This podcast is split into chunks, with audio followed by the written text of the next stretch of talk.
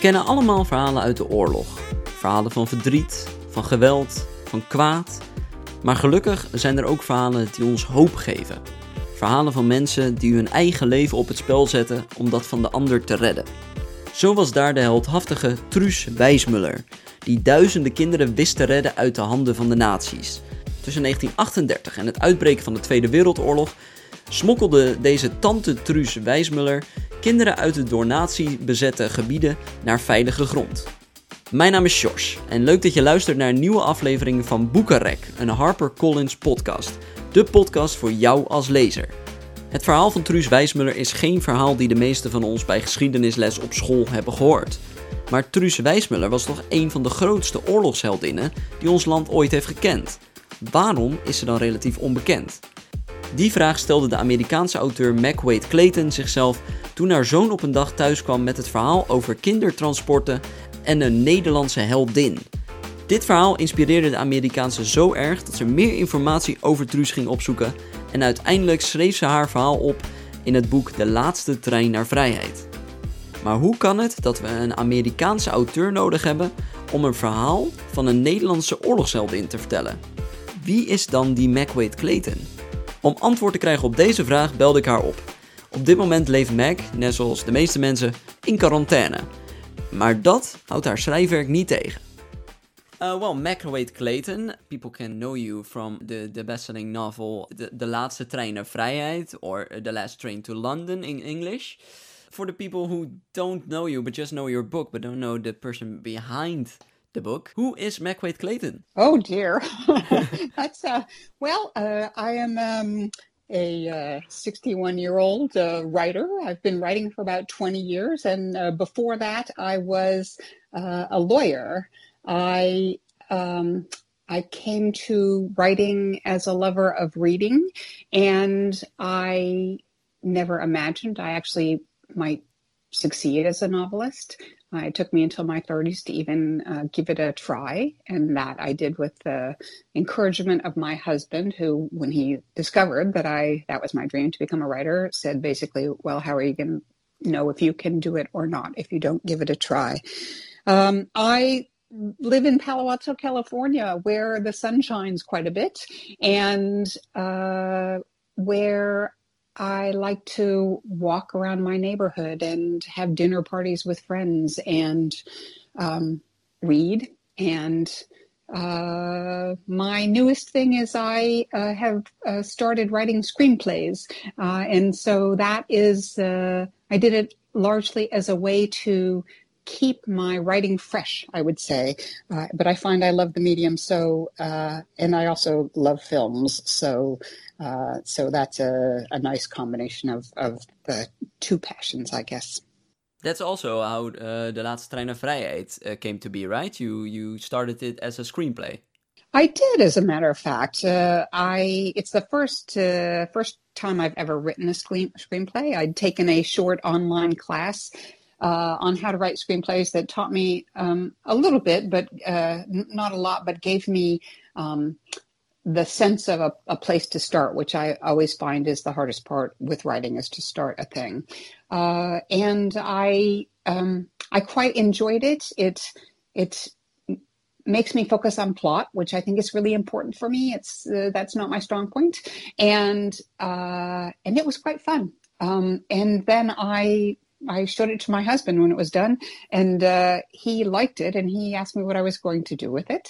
And I said, "Well, it's a screenplay. I'm going to use it to outline a novel, which is which is what I did. Uh, but in the process, I also kept revising the screenplay and uh, submitted it to something called the Writers Lab here in the United States, which is uh, Meryl Streep and Nicole Kidman's effort to bring more women's voices into film, and um, was uh, shocked to be one of the 12 screenwriters selected uh, to participate in uh, their workshop. So I got to do that this fall, uh, fortunately, before we were all in lockdown. And uh, now I have the help of literally an Oscar nominated screenwriter, Robin Swicord, on the novel, and a producer, um, Mary Jane Skalski. And that's a lot of fun.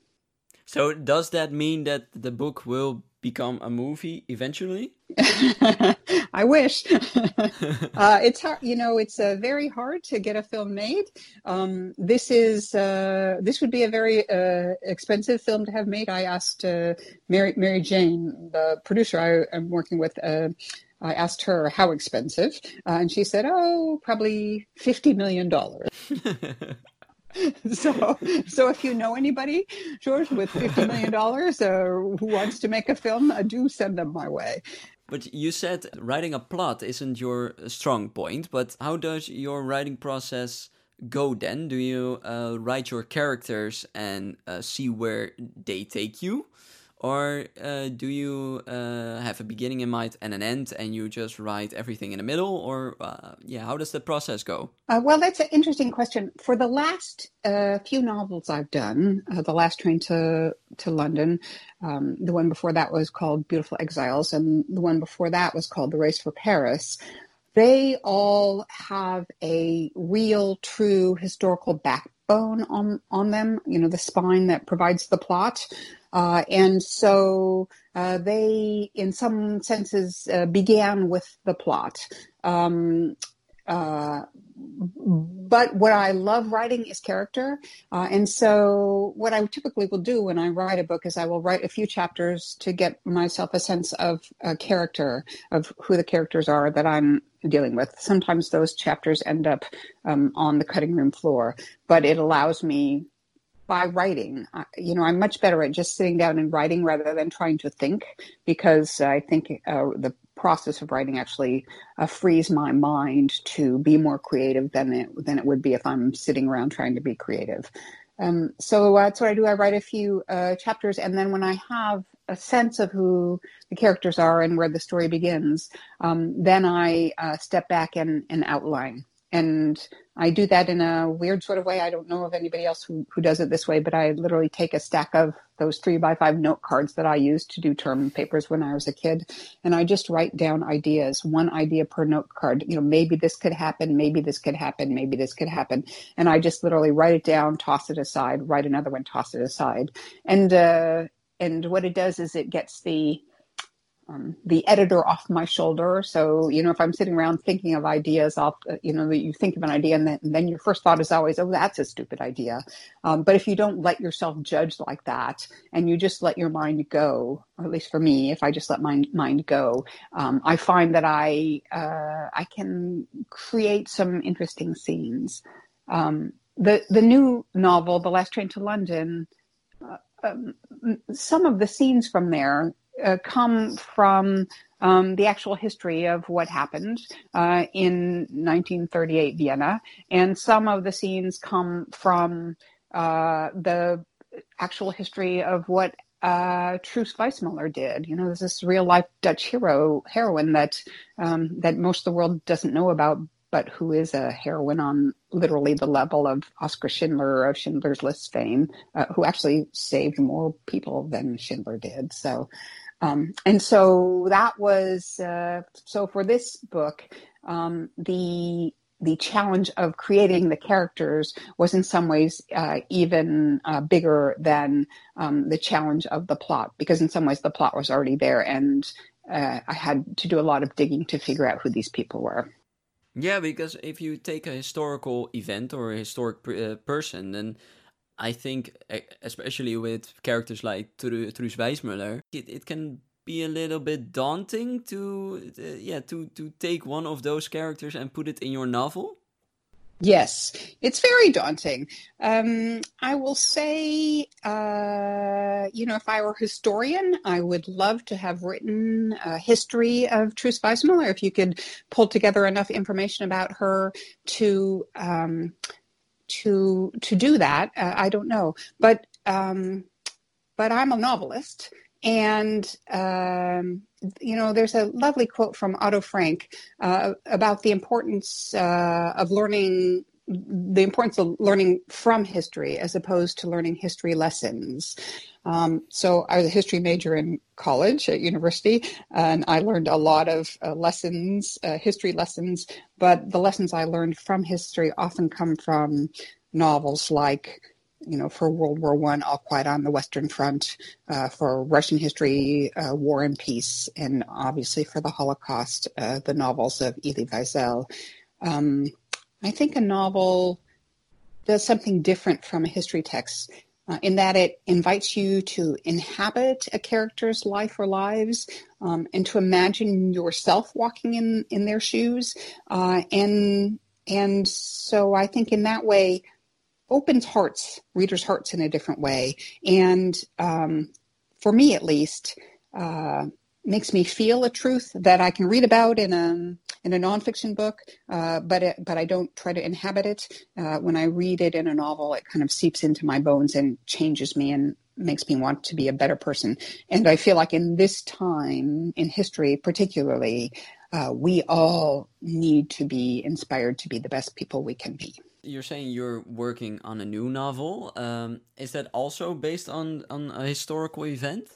It is, as a matter of fact. I rarely talk about my work before I uh, before it uh, it become you know about what's going to be my next novel before it actually becomes my uh, next novel. Yeah, I will tell I will tell you that uh, my second novel in the United States is called The Wednesday Sisters, and when people asked me um, what I was working on then, I talked about a novel about uh, women journalists in World War II France. Uh, I thought that would be my next novel. It was not my next novel. It was not the novel after that. It was not the novel after that. And it was only when I stopped talking about that as my next novel that it actually became my next novel. so, so it's left me the tiniest bit superstitious about talking about what I'm working on. Um, yeah. But I will, I will say that I, uh, for this novel in the United States, I wanted to make sure that uh, everybody was fine with what I wanted to write. Um, and so I did uh, talk to my editor about uh, what I wanted to write, and uh, and she said that'd be great. Um, and I will tell you that it is uh, a book that is has some real parallels to the Last Train to London, in that it is about people doing selfless things in difficult times. Uh, and it's uh, set in France in uh, the early part of the war there. But where does your fascination with uh, the war come from? Well, that's an interesting question, George.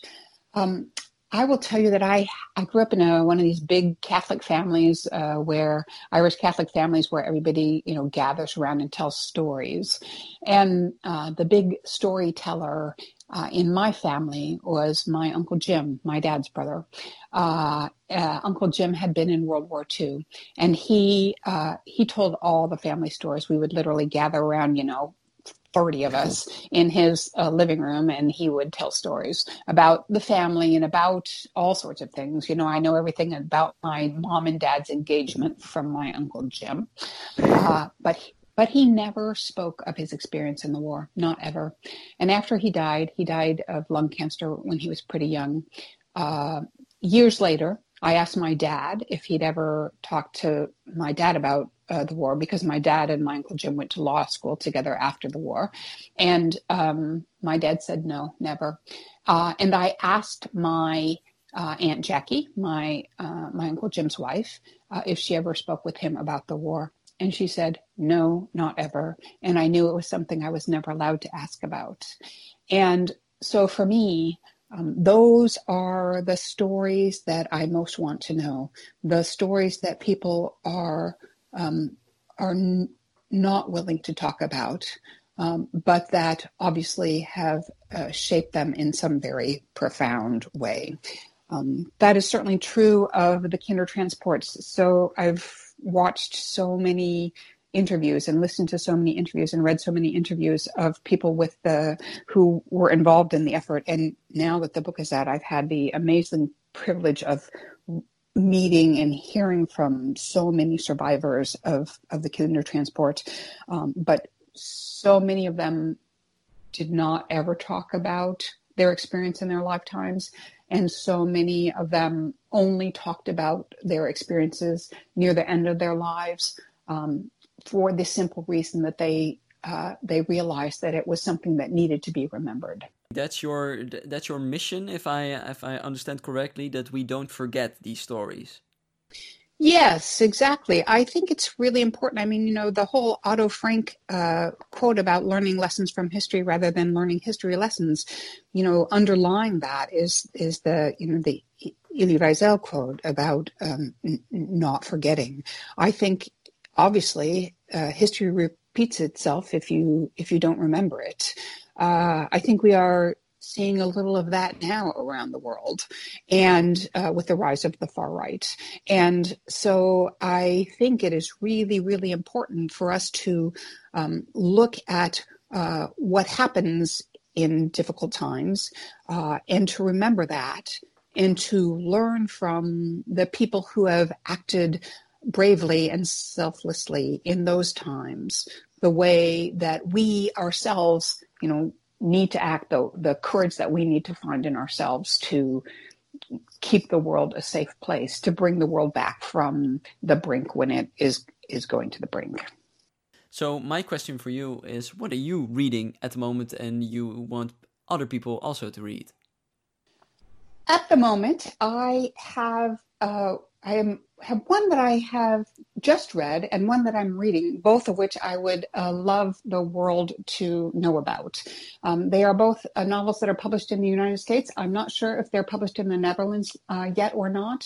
Uh, one is a book called The Yellow Bird Sings. It's a novel set in Poland about a mother uh, and a, it's by an author named Jennifer Rosner, um, and it is about a mother and her daughter uh, having to her young daughter having to stay very quiet as they're in hiding um, during the war, uh, and the daughter is very musical. And very interestingly, I think the author Jennifer Rosner uh, is the mother of uh, deaf children.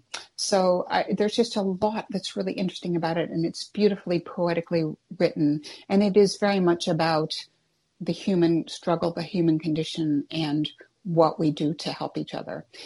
Uh, and then the other one uh, is a, a, book called um, Writers and Lovers by an American author named Lily King. And I am halfway through it and I can't even really quite say uh, why I love it. It is about writing, and I'm a writer, so that's part of it. Uh, it's very it's very funny, and uh, we all need humor in this moment. Uh, it tells some truths about writing. There's a very funny line about the the main character is um, is uh, considering whether to accept a a guy's offer to go out with him or not. And it comes out that he's only written 13 pages in the last three years or something. And she says, she says, uh, you know, basically, she says to herself, I can't do it. That, that kind of thing is contagious, um, which just made me laugh out loud. So, uh, but it's also very much about uh, how we love and how we find courage in ourselves to pursue our passions uh, and how hard that can be. Uh, so, you know, I haven't finished it yet. So I always hate to say, um, uh, read it before I finish it. But uh, this one, I feel like I can say, read it uh, before I finish it. And then I'll tell you that the other thing I'm reading kind of broadly now um, is poetry, uh, because I feel like in in these kinds of times, especially, um, poetry can be really, really comforting.